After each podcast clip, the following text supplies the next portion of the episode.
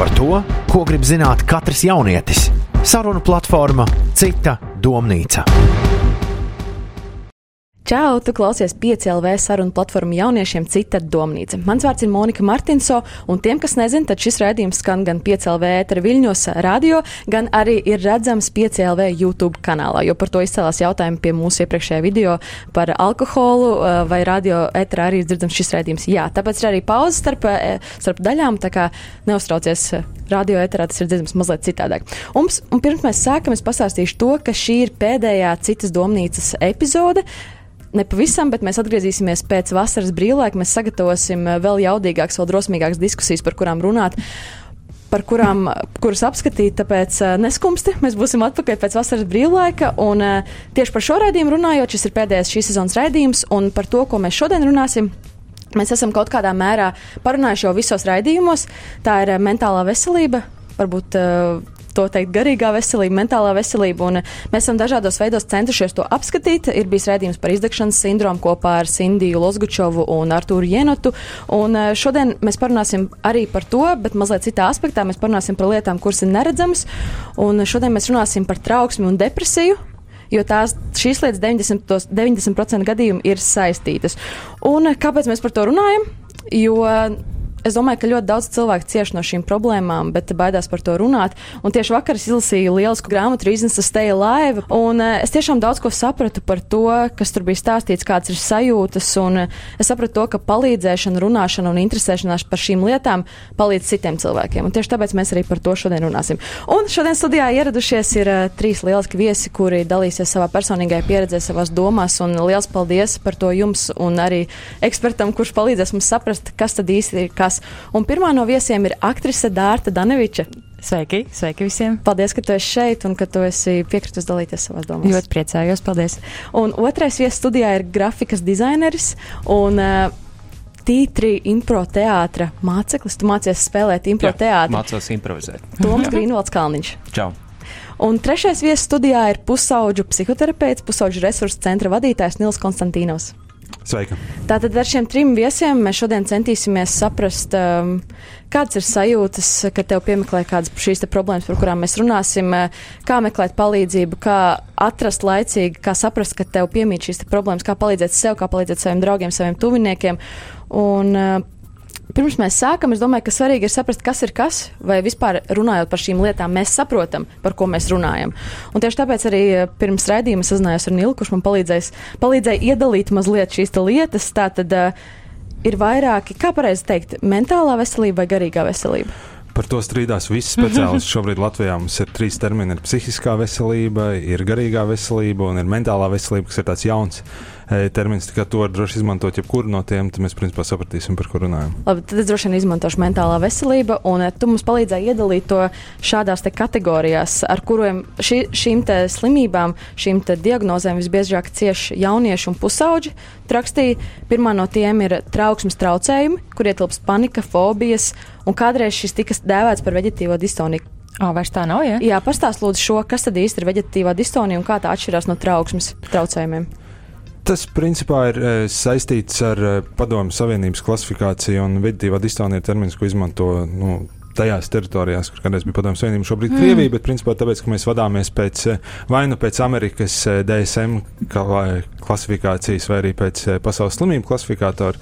Tur šāds diagnozes nav, tie visi saucās no, okay. trauksmes traucējumi, un principā tās ir tās pašas lietas, tikai dažādos vārdos. Mm -hmm. Wow, es vēl nesen, pirms pāris nedēļām biju pie doktora, un viņš uh, lietoja uh, uh, terminu vegetatīva distonija. Jā, nu, Latvijā, kā, kā daudzās šajās teritorijās, mm. protams, tas ir iegājies cilvēkiem, un to mēs izmantojam sarunā. To vieglāk saprast, droši vien arī daudziem vēl ar vienu. Kā, mm. Bet vai vispār var aptvert zem vegetatīvās distonijas, tad jau ļoti daudz kas ietilpst, ko Tieši tā mēs redzēsim, ka vispār ļoti daudz kas ietilpst zem eh, visa, un eh, garīgā, vai kā mēs vienojamies šodien, mentālā veselība ir lieta, kur ļoti grūti tā stingri iedalīt, mm. vai tur iezīmēt, šis ir viens, šis ir otrs. Ir sevišķi, ja mēs runājam par jauniešiem, tas bieži ir viss kopā, un nevienmēr ir skaidrs, kur tā ir norma, kur tā sākās kā problēma un kur tā ir slimība.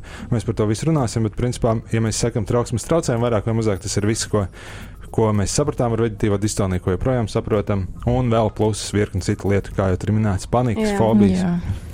Un tad tu minēji, vēl ir garastāvokļa traucējumi, kas ir depresija un bipolāra traucējumi. Bet, Jā. eh, bet mēs šodien saistām trauksmi un depresiju. Kā šīs divas lietas ļoti labi iet kopā? Viņas iet kopā ļoti labi, tāpēc, ka viņas pirmkārt ir uh, visbiežākās. Respektīvi, tās ir lietas, ar kurām cilvēki visbiežāk vai nu um, cieši, vai arī meklē palīdzību. Un otrs ir tas, ka jauniešu vecumā trauksme un depresija nevienmēr ir atšķirams, un bieži tās ir paralēli. Un bieži kaut kādu laiku cilvēkam ir trauksme, kaut kādu laiku viņam ir depresija, respektīvi viņas mijās. Un tāpēc ir ļoti uh, nu, tā jākpilna uz to skatīties kopā. Jo, un it sevišķi, ja mēs runājam ar jauniešiem, tad um, praktiski lielākajā daļā gadījumu, ja jums būs viens no šiem traucējumiem, vairāk vai mazāk jūs dzīvē būsiet saskāries arī ar otru. Mm. Tāpēc ir labi zināt par abiem. Jā, tu vēl minēji, ka, protams, jaunieši saskarās ar atkarībām, psihotiskajiem traucējumiem, kas ir schizofrēnija, personības traucējumiem, robežu personība un uzvedības traucējumi, bulīngas, vardarbība. Kad mēs runājam par pusauģiem vai jauniešiem, tas, kas eh, varbūt viņus drusku atšķir no pieaugušajiem, ir tas, ka bieži visas šīs lietas ir kopā un eh, nevienmēr ir, ir viņas atšķirams. Nu, Respektīvi, ja mēs runājam par jaunieti, kuram ir kaut, sauksies kaut kāda veida atkarīga uzvedība, viņam visticamāk būs arī uh, depresija un ļoti iespējams trauksme, un visticamāk vēl kāda uh, no, piemēram, sliktās uzvedības uh, grūtībām. Nu, uh, Tas kā apurtais lokus veidojas, ka viens ir atkarīgs no otra un viens veido otru. Un, mēs, eh, un šo, šobrīd mēs pat domājam, ka tas ir viens un tas pats cēlonis, kas liek tam izpausties mm. daudzās dažādās, daudzos dažādos veidos. Piemēram, pie mums pusauģu resursu centrā nāk jaunieši, kur, piemēram, eh, pīpē zālīti vai kuri uh, spēlē datoru pārāk daudz. Un, tāpēc, un iemesls, kāpēc viņi izvēlas vienu vai otru, droši vien ir vienkārši atkarīgs no vides. Vai viņš mm. ir uh, vairāk tenēts datoru vai uz, vai uz narkotikām. Nu, bet tā ir viena tāpat problēma. Jā, jā, un arī mēs eh, piecēlvē Instagram kontā uzdevām jautājumu par to, cik cilvēki ir saskārušies tieši ar to, ko mēs šodien apskatīsim ar trauksmu un depresiju, jo mēs vēlējāmies saprast, eh, cik liels sekotāji, mūsu sekotāju skaits ar to saskarās. Aptaujā piedalījās 600 cilvēki, 65% teica, ka jā, ir saskārušies, tātad 389 cilvēki un 35%, jeb 211 cilvēki teica, ka nē. Tātad mēs varam secināt to, ka Dārta arī bija viens no šiem cilvēkiem, vēl 388 cilvēki teica, ka jā. Jā, bet ir... arī ļoti daudz ir tādu cilvēku, kam vienkārši saucamais aizsardzības mehānisms. Ah, nē, es pateikšu nē, jo Jā. tas nu, tā stilīgi pateikt nē, un varbūt ka tu patiesībā domā citādāk. Tas ir tā, jo daudz cilvēku arī no tā kaunās vēl aizvien runāt, jo es domāju, tā kā mēs pirms ētera runājām, ka īpaši vīriešiem to ir grūti atzīt, ka, mm. ka varbūt vieglāk ir pateikt, man viss kārtībā. Un, Tā ka tieši tā, tie cipari varētu būt pat atšķirīgi. Jā. Uh, ko rāda statistikas pētījumi, kāda ir uh, šī situācija Latvijā? Par situāciju Latvijā es godīgi pateikšu, mēs diezgan maz zinām, tāpēc, ka tas nav plaši pētīts un mums nav tāda līdzīga, bet mēs zinām, eh, kāda ir situācija, nu, praktiski starp jauniešiem Eiropā, eh, lielajās Eiropas valstīs, kur diezgan labi statistika tiek ievākta. Mēs domājam, ka aptuveni eh, viens no četriem pusauģiem jauniešiem saskarās ar kādu no grīgās veselības grūtībām, kas principā atspoguļojās drusku tajos datos, iespējams, mm. un, un mēs domājam, ka droši vien tā situācija ir līdzīga. Runājot tieši par depresiju, tie Citur tie ir aptuveni starp 2 līdz 6 procentiem, um, kuriem būtu diagnosticējama depresija jauniešu vidū. Mēs domājam, ka droši vien tas līdzīgi būs arī, arī Latvijā. Bet principā tas piemērs ir tāds, ka, ja mēs ieejam klasē, kur ir 30 skolnieki, tad visticamāk 3 līdz 4 no viņiem būs kaut kāda veida eh, garīgās veselības mm. grūtības. Jā, tad ļoti nozīmīgi par to ir parunāt šodien. Uh, Dārta, tu savos sociālo tīklu kontos dalījies ar pieredzi par trauksmi. Tas gan bija jau kādu laiku atpakaļ, mm -hmm. un tu rakstīji tā. Es jums pastāstīšu, ko ļoti privātu. Ja jūs jūtaties tāpat, jūs esat pelnījuši zināt, man ir trauksme. Dažas reizes tas ir tikai dažus mirkļus, dažreiz stundas, dažreiz 24, 7. Pastāsti, kāpēc mm. nolēma dalīties ar ko tādu? Es godīgi sakot, neatceros to konkrēto dienu, bet kaut kas droši vien noklikšķēja. Līdzīgi kā šodien arī ir tāda mm, robeža diena, nākot uz šejieni, ļoti daudz kas sakrājies, nu jau par citām aktualitātēm, bet ar līdzīgām sajūtām. Jā, tas bija 18. gads, bet tagad uh, visaktuālākā, jaunākā, teiksim, pieredze man bija nu pat februārī, kad uh, es saskaros ka pavisam kaut ko jaunu. Jo līdz šim man. Um, katru dienu pavada nu, teiksim, tāds nu, depresīvs noskaņojums. Man vispār nav nekas jauns. Es to saucu par depresīvu noskaņojumu, jo es esmu saskārusies ar tādām nu, asākām fāzēm, ja tā to var saukt. Es atvainojos par savu neprofesionālo valodu, bet tam es esmu kaut kā veiksmīgi tikusi pāri, un, uh, un depresīvais noskaņojums man tik ļoti nestrauc, jo es kaut kā protu ar viņu tikt galā un neieslīgt viņā pārlieku ilgu, bet uh, panikas lēkmes, trauksme, uh, kaut kādas neadekvātas bailes, un šīs te, trīs lietas mani pavada katru dienu, tiešām katru dienu, gandrīz nu, katru stundu varbūt es nevarētu teikt, bet um, Un, un, un tas saistīts gan ar kaut kādu manu, nu, nezinu, domāšanu, to, kā, kā es sevi kaut kā, nu, kā es jūtos pati kā cilvēks sevi iekšā, un es nevaru īsti pati sev atbildēt līdz galam, kādēļ tā ir, kādi ir tie cēloņi, jo, teiksim, tur, teiksim, daudz psihoterapeiti to vienmēr saist ar bērnības traumām un tam līdzīgām lietām. Man ir brīnišķīga pieredze bērnībā un skolas gados, uh, bet tik un tā man nav viegli šobrīd ar sevi sadzīvot. Un, jā, un Un uh, otra tā lieta, kas ir saistīta ar šo visu, kas iespējams pusauģiem, uh, cilvēkiem, kas jaunāk par mani saistīsies ar studijām vai ar skolu, man tas saistās ar darbu. Es pirmo reizi saskāros, uh, ko tiešām nozīmē izdegšana. Uh, un, uh, Tas gāja roku rokā ar visām šīm nosauktajām lietām, par kurām mēs šodien runājam. Jo, uh, nu, man bija tik grūti, ka, ka es nevarēju aiziet vienkārši pati uz darbu, ka es uh, pusceļā iedomājos, kas tagad notiek. Mans dzīvoklis, iespējams, degas, esmu kaut ko atstājis, un domāju par to, vai man suņš šodien būs dzīvi, vai, vai, vai, vai manai ģimenei pēkšņi kaut kāda katastrofa notiks. Visu laiku domāju par nāvi, visu laiku, visu laiku kaut kā sevi iekšēji uzkurināju, jo, jo vairāk es centos sevi nomierināt, man tas mazāk izdevās. Un, uh, Tas, tas bija diezgan briesmīgs, briesmīgs laiks, uh, kad nu, tu arī fiziski kļūsti tāds inerts un nespējīgs, tādēļ, ka tas tās domas, tās sajūtas ļoti noēda arī fiziski. Tātad tas tevi pavada un ļoti ietekmē Katru dienu gandrīz. Uh, nu, katru dienu uh, man tas ir tādā vieglā formā, ka, teiksim, tā, es tāpēc arī priecājos, ka šeit ir speciālists, viņam varētu būt interesanti dokumentēt. Man ir kaut kādas uh, neadekvātas bailes. Man ir bailes, ka visu laiku kaut kas notiks, bet nevis man, bet uh, cilvēkiem, kas man ir apkārt, maniem draugiem, Kur maniem tuviniekiem. Jā, man ir visu laiku ārprātīgs bailes par to. Ja nedod Dievs, kāds mans draugs vai radnieks kaut kur lido, es noteikti sēdēšu pie tā uh, čekotāja, kur čeko lidmašīnas. Noteikti nejauši piezvanīšu minūti pēc nosēšanās, ah, čau, ah, tu nosēdies, ah, tā nejauši piezvanīju. Noteikti es to darīšu, tā, tā esmu es. Un, uh, un, un, un nedod Dievs, ja mans uh, draugs uh, neatbildēs uz telefonu, vai viņam tikko vakar, vakar viņš bija mežā, viņam izlādējās telefons, kad viņš bija kopā ar maniem suņiem.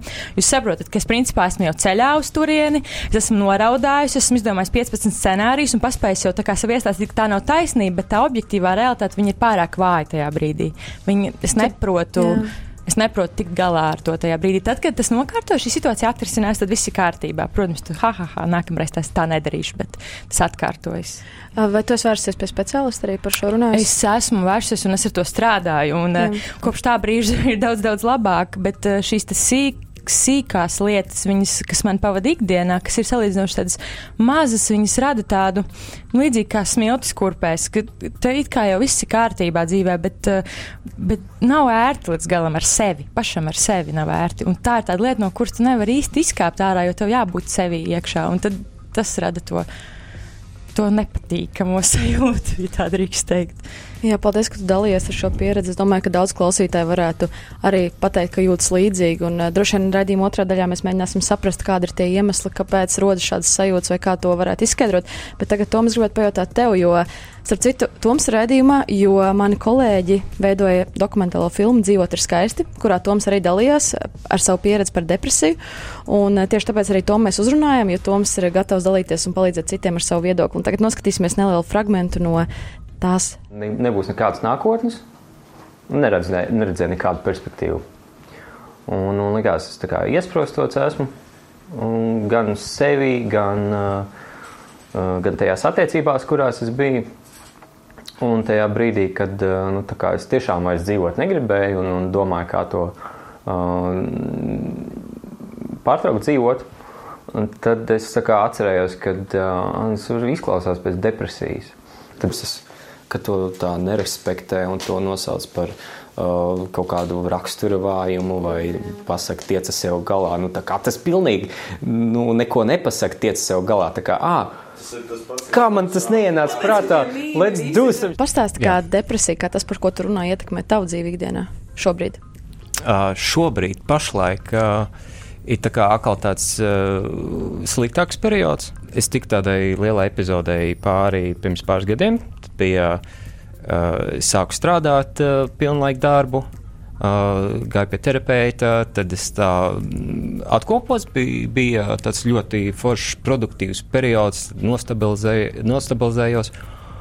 Un, un, un šī gada sākumā man arī bija izdegšana. Un tas, man liekas, arī ir uh, provocējis kaut kādu tādu depresīvu epizodi. Bet tu vari teikt, ka tev piemīt depresija. Tātad tas ir kaut kas, kas piemīt, kas diagnost. Nu, kas ir diagnosticēts. Jā, tev ir diagnosticēta depresija. Jā. Un, kā tas izpaužās tev ikdienā?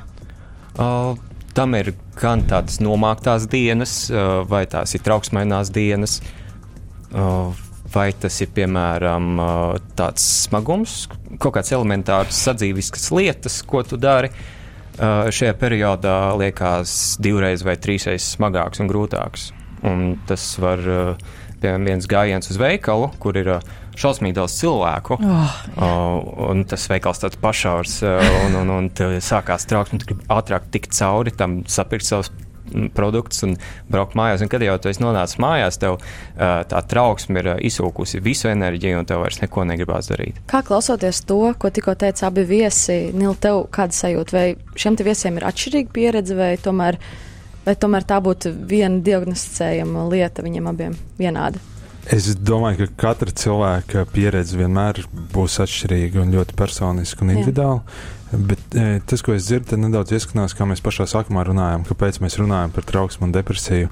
Un tā kopā, jo abos stāstos um, ir dzirdams gan, e, gan dārts stāstījumā par to, ka šī trauksme ir, ir dominējošā un gadās e, depresīva perioda, un, un to mums savukārt otrādi, ka pamatā tie ir depresīvi, e, depresīvas noskaņas, kuras mijās ar trauksmēm, ar tādām lielām trauksmēm publiskās vietās, piemēram. Mm -hmm. Un līdz ar to mēs redzam, ka tas tiešām ir tāda kopīga lieta, pēc kā reizēm var palīdzēt atpazīt un orientēties mm -hmm. vienā vai otrā. Un tas palīdz tieši ārstēšanā, jo šīm abām problēmām ir atšķirīga ārstēšana vai, vai kā?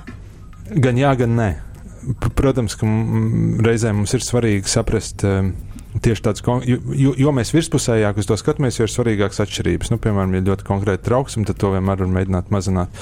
Bet, jo mēs ejam dziļāk un mēģinām saprast to cēloni un kaut kā palīdzēt cilvēkam um, ilgtermiņā, jo, protams, tā pieeja vairāk vai mazāk būs līdzīga. Mēs mēģinām saprast, kas, ka, kas ar šo cilvēku individuālā, individuālajā dzīvē notiek. Un, un, un mēs, tas, ko mēs darām, un to mums stāstā, starp citu, šis iezīmējas depresija, diemžēl, ir tāda cikliska lieta. Viņa iet uz augšu, uz leju, uz augšu, uz leju, un tie, un tie kāpumi un kritumi neizbēgami sako viens otram. Mēs mēģinām tajos labajos brīžos vienkārši savākt pēc iespējas vairāk resursus, lai, lai gan to kritienu attālinātu, gan arī, kad tas kritiens ir, lai es vairāk jau zinātu, ko ar to darīt un kā pēc iespējas ātrāk no viņa izrāpties ārā. Mm -hmm. Bet tas, ka šādi tas turpināsies, tas, diemžēl, ir vairāk vai mazāk neizbēgami. Līdzīgi kā dārta vienmēr visticamāk paliks eh, tāda personība, kur ļoti satraucās par, par, par lietām dzīvē, un viņa nekad droši vien, nu labi, nekad nesaka nekad, bet, bet vis, visticamāk tuvākajā laikā, nu, nekļūs par tādu absolūtu chill relax, kurai viss ir. Vienīgi atvaļinājumā varbūt. Es arī tāpat esmu, liekas, nekad nebūšu čili cilvēks. Vai tas tā ir? To mēs centīsimies noskaidrot raidījuma otrajā un trešajā daļā, vai tiešām nav iespējams nekad aizmirst to visu, vai ir iespējams uh, dzīvot bez šīm sajūtām. To mēs noteikti centīsimies noskaidrot. Mans vārds ir Monika Martinso, tu klausies piecēlē. Saruna platforma Cita domnīca.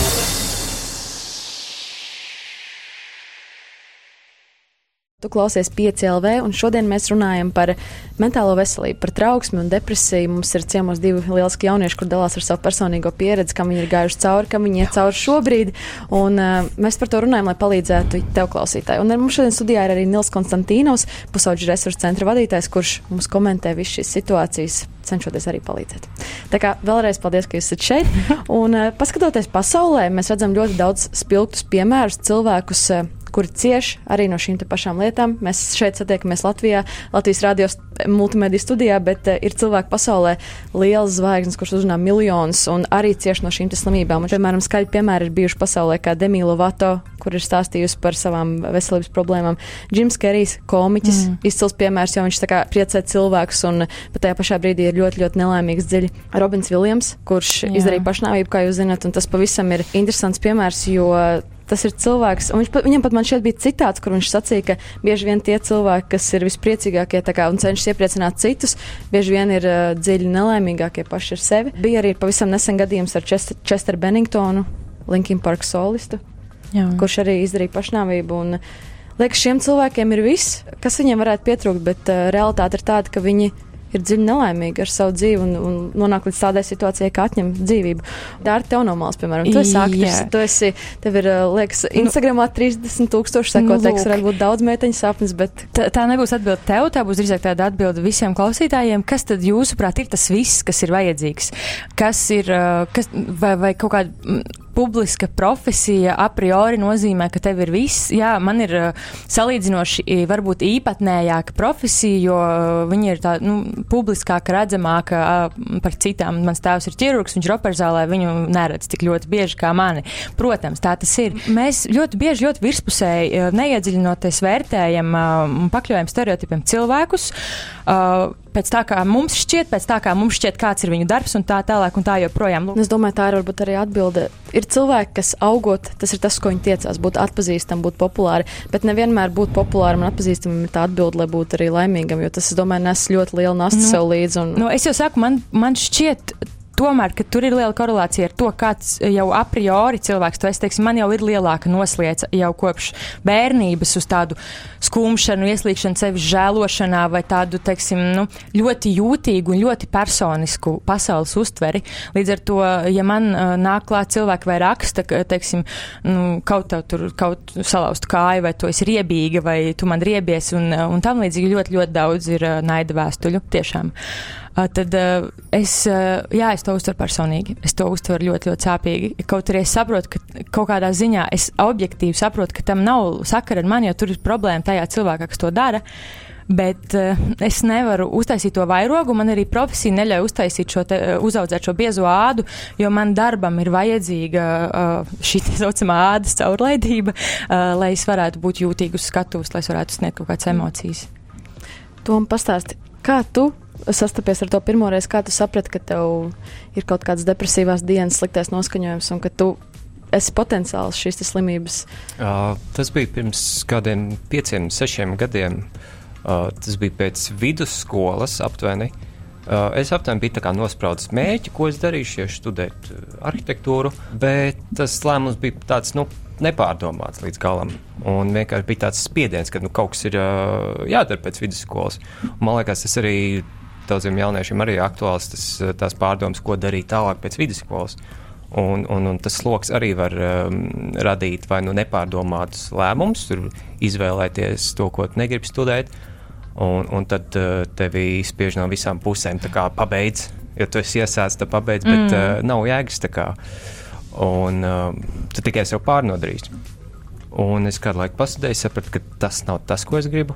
Uh, tas bija tas brīdis, kad tu saprati, ka. Un tad, jā, tas bija tas brīdis, kad nu, tā kā, iestājās tāda bezcerība, tā sajūta, ka tev nav izvēles. Kā, tu esi pieņēmis kaut kādu lēmumu, un uh, tev pie tā jāturās. Ja nē, tad uh, tev būs kāds uh, uh, nosodījums no apkārtējiem, un nu, būt bailes atstumtam. Būtībā tā ir tāda viena lieta, ko es sapratu, kas man pavada. Eh, nu, pavadīja jau eh, ļoti ilgu laiku tā, tā, tā mazā tā doma, tā kā būt uh, atstumtam, kā, kas biedē. Un, jā, un tad bija tāds moments, kad, uh, kad saprotu, ka kā, izvēles īsti iespēja nav. Ieslēdzās tāda pilnīgi tāda, tāda tuneļa domāšana, mm. ka tu neredz iespējas. Un, uh, Un tad, jā, tā kā es minēju tajā, tajā, tajā klipiņā par to, ka es iedomājos, jā, tā varētu būt depresija, tas ir tāds dzirdēts vārds. Uh, es aizgāju uz šo mājaslapu depresija.lv, tur ir testiņš. Mm. Uh, protams, es uh, neuzstādu diagnozi, bet uh, viņš tev var, piemēram, pateikt, ka uh, aizēj pārbaudījis pie speciālista. Un, uh, un pirmā reize man bija, es atceros, uh, krīzes centrā Skalbas. Uh, Un es izstāstīju to, nu, visas tās sajūtas, to nomāktību, to bezcerību, to, to daudz lietas es toreiz nemācēju vēl nodefinēt, kas arī svarīgi ir. Uh, griezties pie speciālista, kurš tev palīdzēs definēt savas sajūtas. Piemēram, uh, to, kas ir trauksme, es pirms pāris gadiem tikai uzzināju, tā kā nodefinēju. Un, ja tu nemāki nodefinēt, tad ir grūti to risināt, manuprāt. Mm. Un, un, un, un, uh, Nu, jā, tad es vērsos pie psihiatriem. Uh, ir arī bijis laiks, kad es esmu padzīvojis slimnīcā. Un, būtībā tas izklausās biedējoši, bet uh, no tā brīža bija tāda sajūta, beidzot kaut kas notiek. Tā kā beidzot tā kā sākās atlapšana, jo es esmu ticis pie speciālistiem un, un arī novērošana. Un, un, un, un, un uzsākt kaut kādu medikamentozu terapiju vai kādu citu veidu terapiju. Tad tiem, kas klausās, noteikti padoms no tevis ir. Uh, Tik līdz tu meklē palīdzību, tik uzreiz paliek labāk. Uzreiz mm. tu jūti, ka kaut kas notiek tavā dzīvē, tu vairs nestāv uz vietas un nedomā, kas ar mani notiek. Un, bet, principā, jums abiem tas sākās pēc pusauģu vecuma, pēc pusauģu gadu vecuma. Jau universitātes laikā tas, tas varbūt tā. Jā, bet tas arī uh, nenoliedz, ka tas arī bija laiks, kad es tiešām sāku beidzot ap, apzināties kaut kā sevi. Uh, uh, mēģināt saprast sevi. Un, un es kaut kā tādā ļoti lielā autopilotā visus skolas gadus nodzīvoju, jo viss bija kārtībā, mājas, viss padodas un nav, tāds, nav tāda iedziļināšanās, tad uh, skata uz iekšpusi.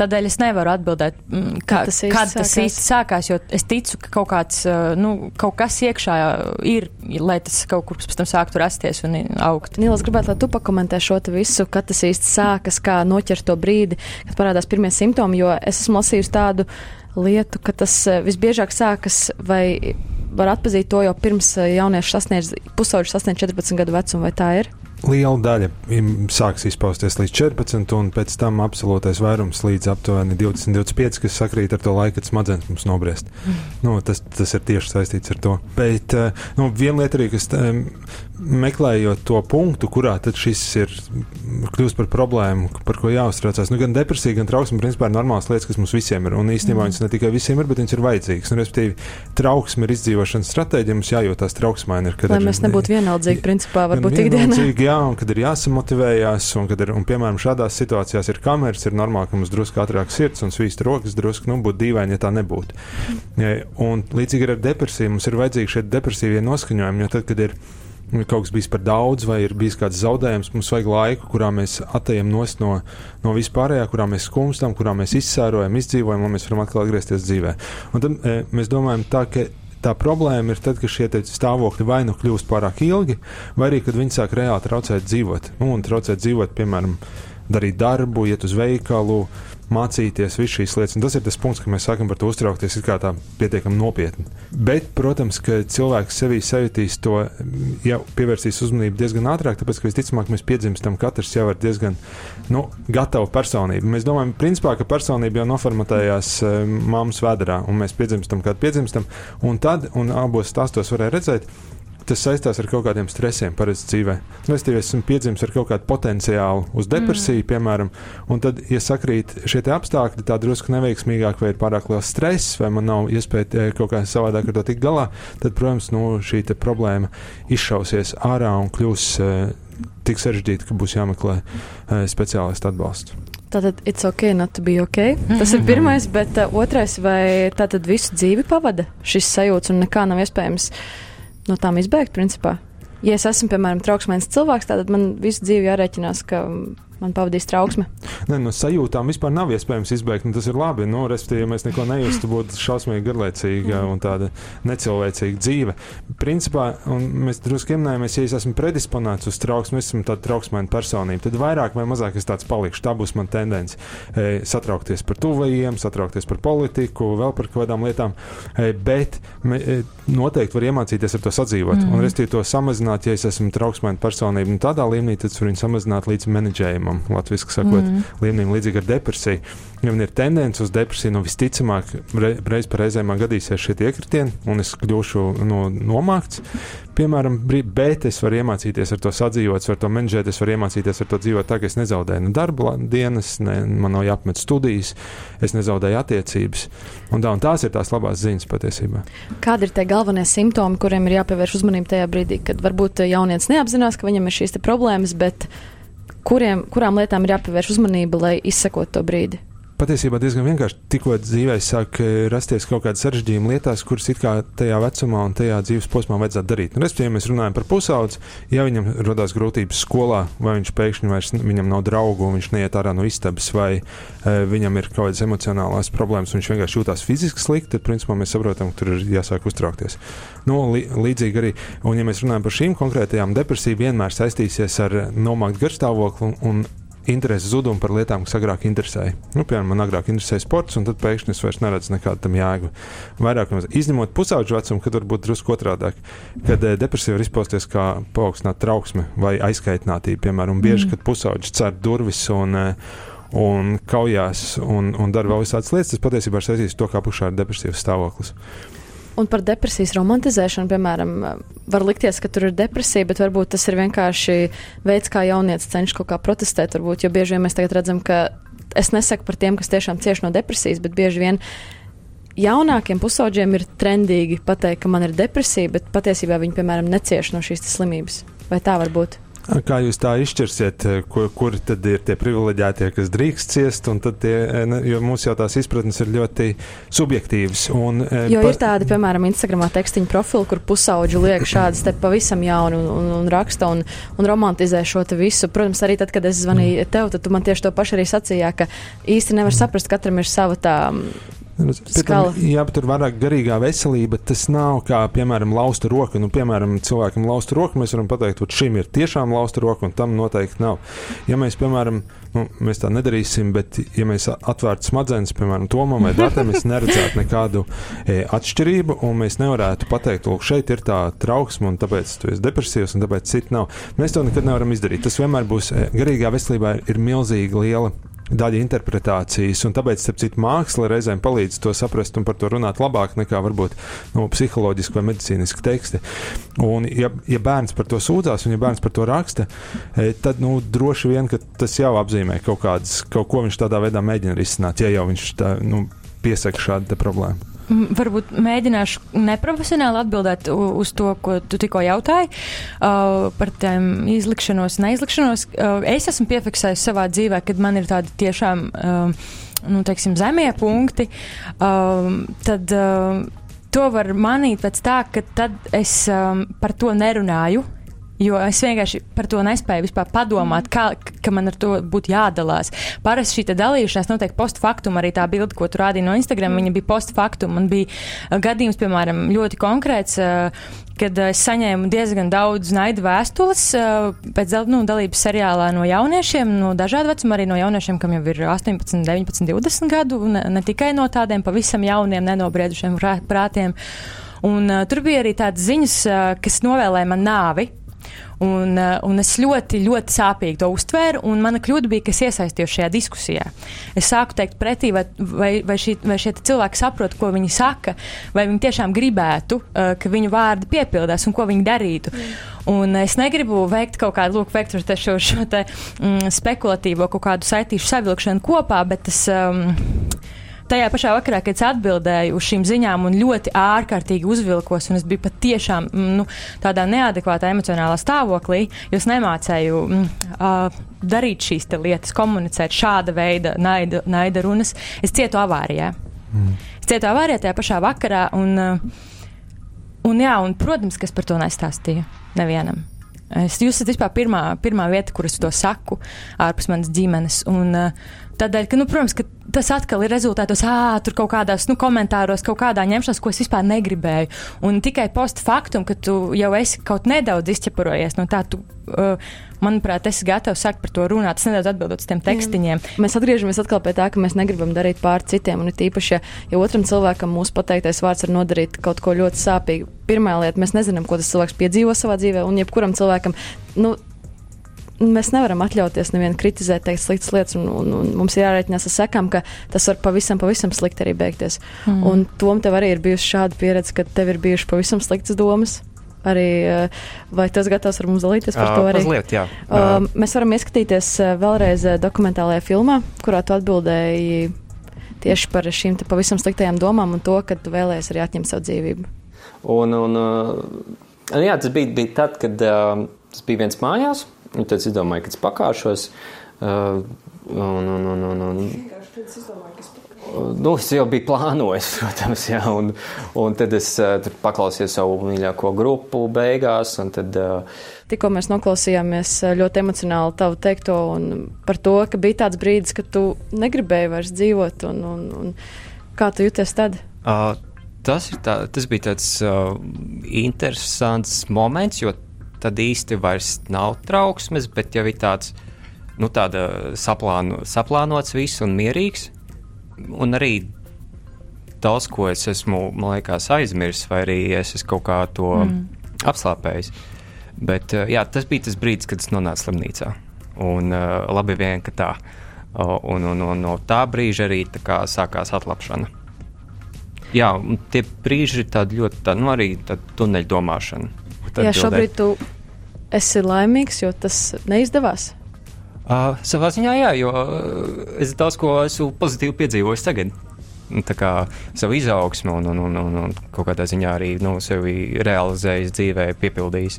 Jā, un uh, varbūt Nils, tu vari pakomentēt, uh, kā cilvēki nonāk līdz šādam stāvoklim, kad uh, vairs negribas pavisam dzīvot un gribas atņemt savu dzīvību. Mm. Es domāju, ka ļoti svarīgi saukt šo stāvokli vārdā. Mēs runājam par pašnāvību. Jā. Tā ir viena no lietām, e, ko cilvēki un apkārtēji bieži domā, ka, ja mēs par to runāsim, ka tas var kaut kā provocēt vai veicināt. E, un man šķiet ļoti, ļoti svarīgi šo mītu kliedēt, e, ka patiesībā ir jāprasa cilvēkam, vai tu domā par pašnāvību, vai tu gribi sev nogalināt.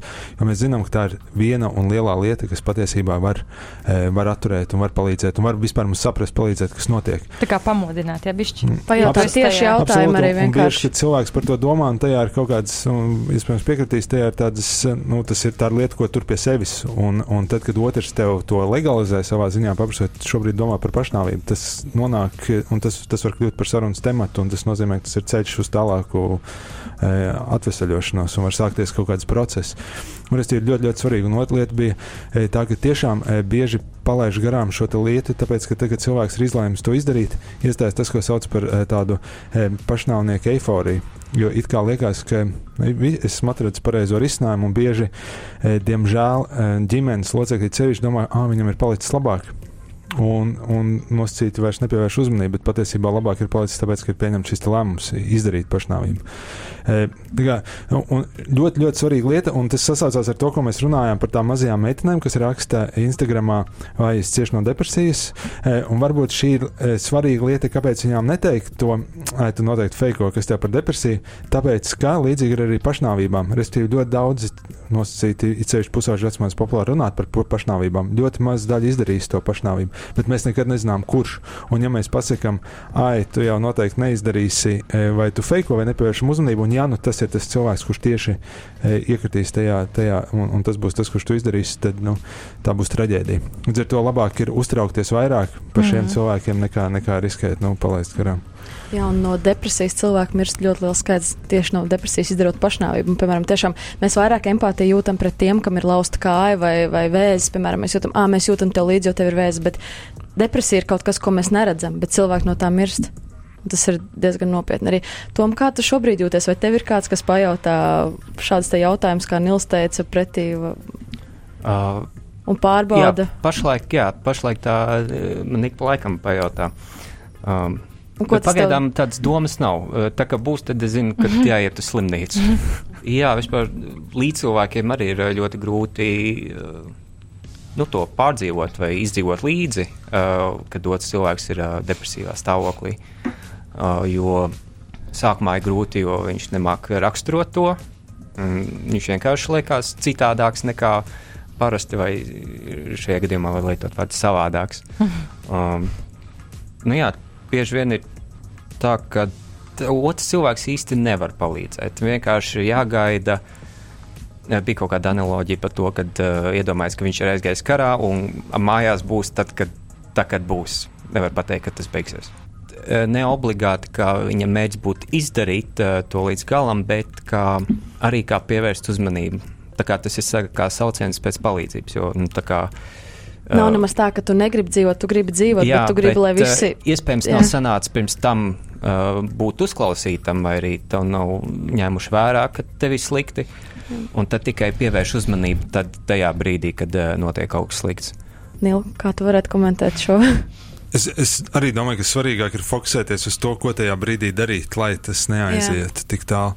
Un, mm, šādas plānotās pašnāvības patiesībā ir, ir raksturīgākas nu, jau tādā lielākā jauniešu vecumā. Pusauģiem raksturīgs tas, ko mēs saucam par impulsīvajām e, pašnāvībām. E, ka tas e, tādēļ, ka ir grūti regulēt savus impulsus, tad bieži tas var notikt tādā mirkļa iespējā. Tad, nu, un, un, e, un tādēļ arī tie veidi, kāds tiek darīts, reizēm šķiet tā, tādi ārkārtīgi traki. Un tā ir viena no lietām, ko mēs pusaudžu resursu centrā darām, ka mēs mēģinām ar vecākiem kopā un pašu pusaudžu vienoties, kā samazināt riskus. Un tas pirmais lēmums ir ļoti vienkārši praktisks, aizvākt lietas, ar kurām to var izdarīt. Tāpēc, ka tajā mirkļa iespējā, nu, ja būs pie rokas, tad, tad tas var tikt izmantots, un ja nē, tad tas ļoti attālina to brīdi. Mm.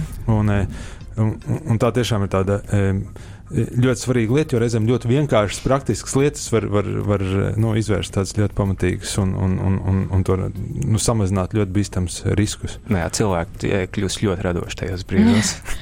Bet Tom, pastāst, kā paiet tavs dienas tagad, kur tu atrodi motivāciju nepadoties un neiekrist atkal šajā? Um, ir forši, kad ir režīms. Uh, savā ziņā no 9 līdz 6 strādā, pēc tam tev brīvais laiks. Uh, ir tā, ka nav ko darīt un, un tev nav nekāda režīma, tad ir. Uh, tāda bezmērķīga dzīvošana no dienas uz dienu, bet tā kā ja ir nodarbošanās pastāvīgi, tad uh, tas kaut kādā veidā tev ir motivācija uh, celties no rīta. Uh, bet uh, tā lieta, kas palīdz kā, doties priekšā un kaut kādu motivāciju atgūt, ir um, kā, aizraušanās. Katram tā var būt uh, sava. Un man tieši ir uh, grafikas dizains. Un uh, brīvā laikā es uh, taisu plakāts, cenšos aptuveni katru dienu kaut ko uztaisīt un uh, Instagramā publicēt. Un, uh, un par to ir tāds tā vienmēr uh, gandarījums. Un, un, un, man liekas, tas ir ļoti svarīgi, kad uh, uh, cilvēkam atrast to savu aizraušanos, jo tas var ļoti labi noderēt uh, tajos nomāktajos uh, periodos. Uh, piemēram, tieši uh, nu, agrāk, pirms, pār, nu, pirms pāris gadiem, uh, bija, bija tas tāds periods, kad es laikam pa gultu dzīvojos, uh, grūti piecelties. Bet, ja man kāds uzraksta, ka jau tu vari man uztaisīt plakātu, uh, man uzreiz uh, motivācija atradās piecelties, padarīt, mm. un, un, un, un tas uh, sagādāja prieku. Tā kā jā, es iesaku meklēt savas aizraušanās jā, tiešām svarīgi ir atrast savu aizraušanos un iemīlēt dzīvi un darīt lietas un, un varbūt be, nebūt bezdarbībā. Par to mēs arī runāsim raidījuma trešajā daļā. Mans vārds ir Monika Martinso, tu klausies piecēlē. Saruna platforma Cita domnīca.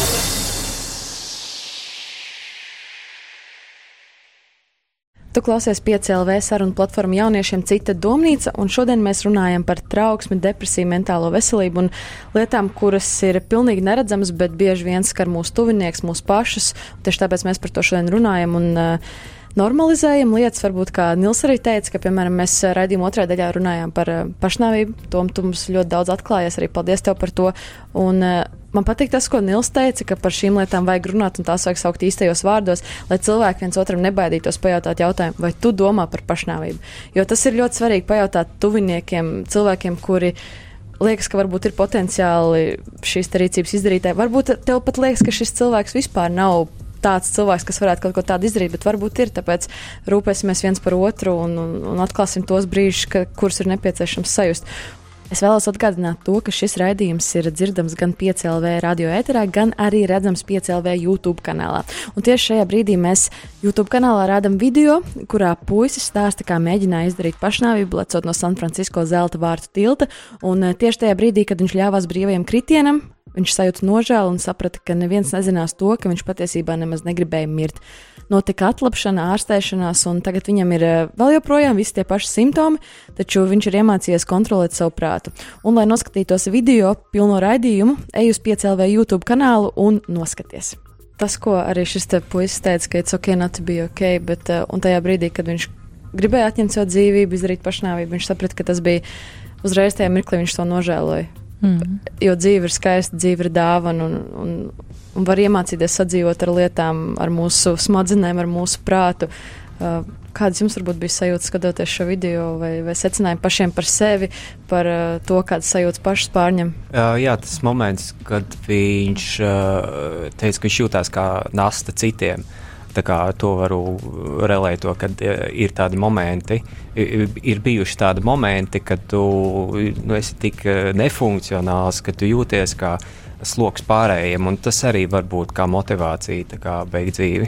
Bet patiesībā taviem mīļajiem tas ļoti svarīgs. Un, mm. un... Jā, tāpēc pēdīgiem cilvēkiem labāk mm. vairāk atgādināt to, ka viņi ir svarīgi. Jā.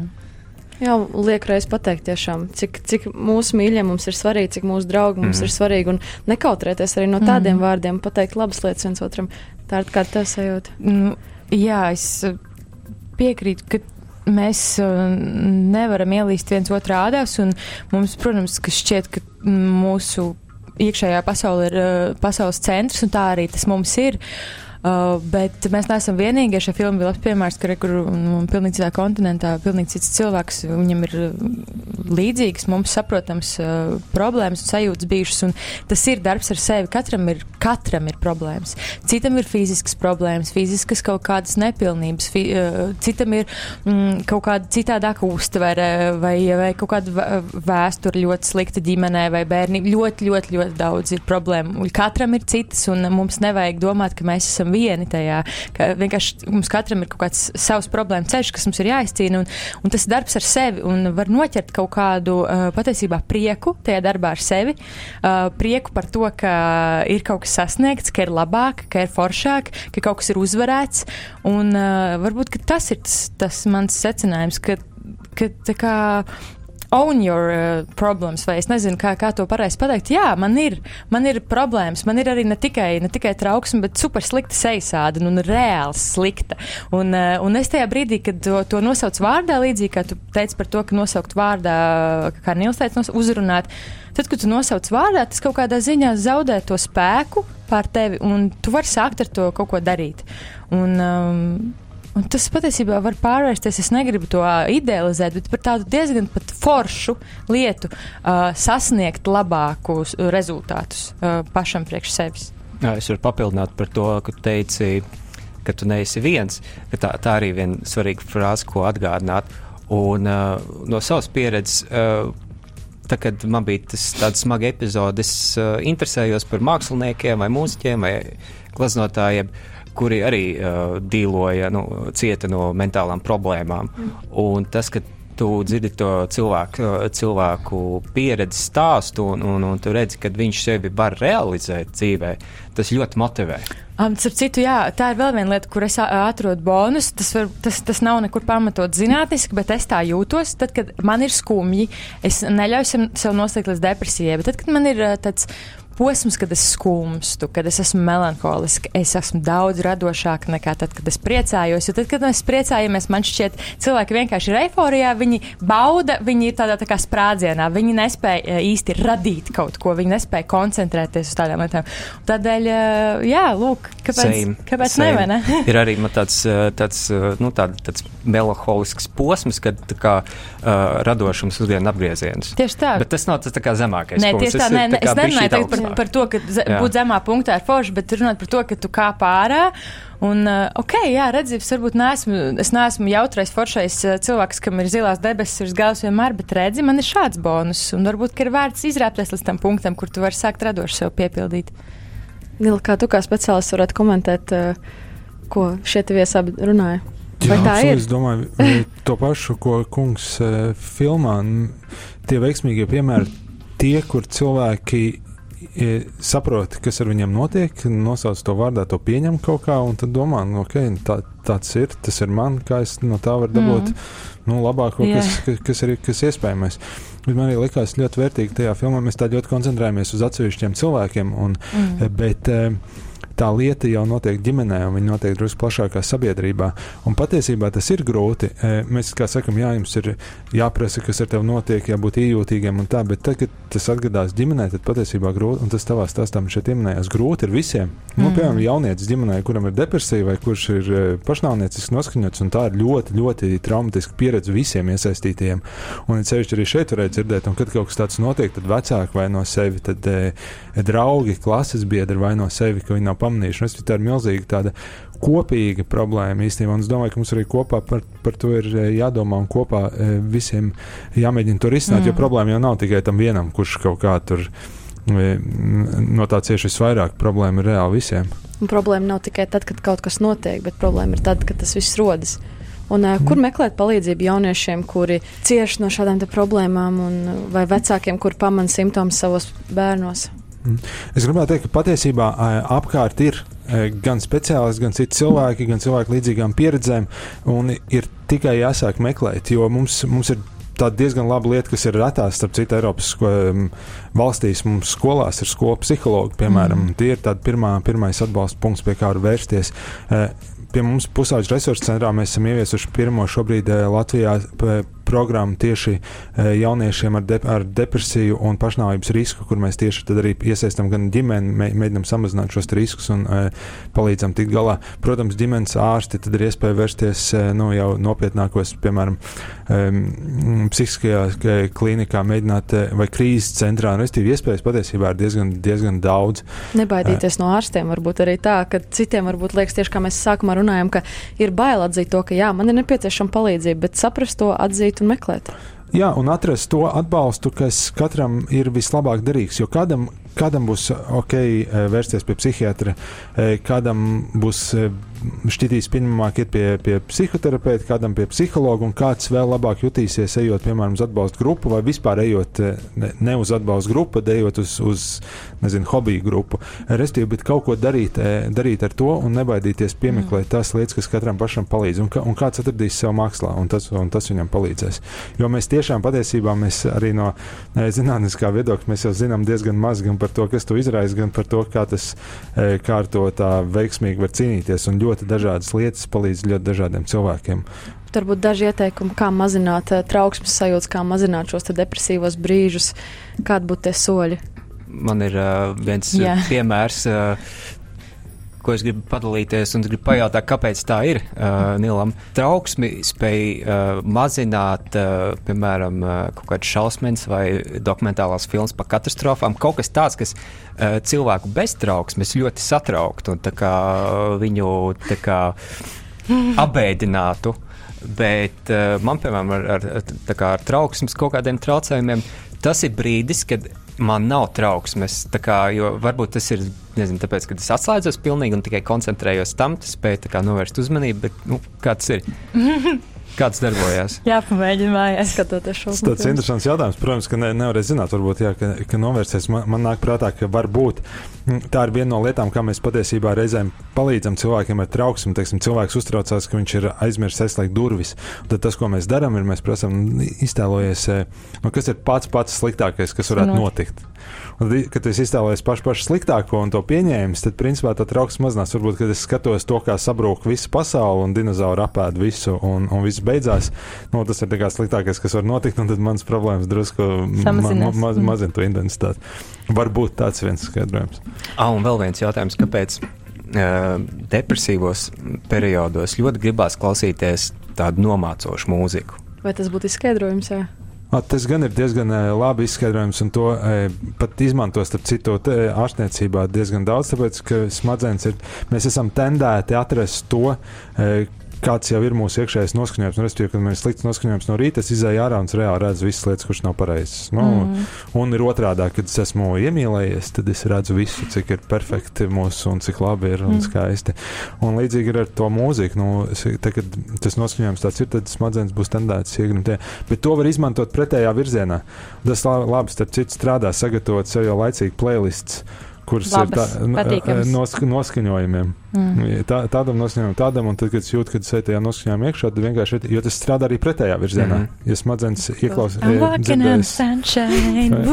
vai arī tas var būt ļoti, ļoti kaitinoši. Jā, man drīzāk ir tā, ka pozitīva mūzika nomāk, nomāk, to, nomāk tos brīžos, lai jā, šausmīgi kaitinoši un triviāli. Tātad klausīties pozitīvāku mūziku? Ne, pat ne vienkārši mūziku, kas, kas patīk Atrast un kas uzrunā. Katram savējo. Jā, jā, jā, mūzika ir tas uh, self-coping, viens no visveiksmīgākajiem veidiem, kas palīdz cilvēkiem tikt cauri ļoti, ļoti uh, grūtām, smagām uh, lietām, periodiem. Tātad mūzika, mums vēl Instagram arī, mēs pajautājām Instagram sekotājiem, tieši tā paši viņi arī teica, mūzika, sports, terapija vēl varbūt kādas lietas, par kurām padomāt, uzrakstīt labāk savas lietas, vai kā, kā labāk izpausties, vai tas katram pašam ir jāatrod tomēr?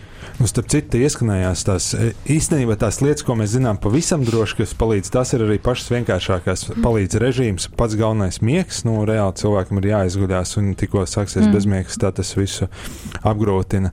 Uh, labi paēst, darīt lietas, kas patīk, un komunicēt ar citiem, respektīvi atrasties ka, nu, tādā mm, atbalsta lokā. Un tieši mm. kā es mm. arī tajā filmā redzēju, viņš jau neatrada vienu lietu, vienu risinājumu. Viņš, viņš, tā, reizē. viņš būvēja sev apkārt atbalstu loku, kas sastāv no lietām, kas man palīdz. Nu, sākot no dušas un skrējiena, mājdzīvnieka, mm. filmas, je- jebkā, bet principā es vācu aizvien vairāk sev tos resursus.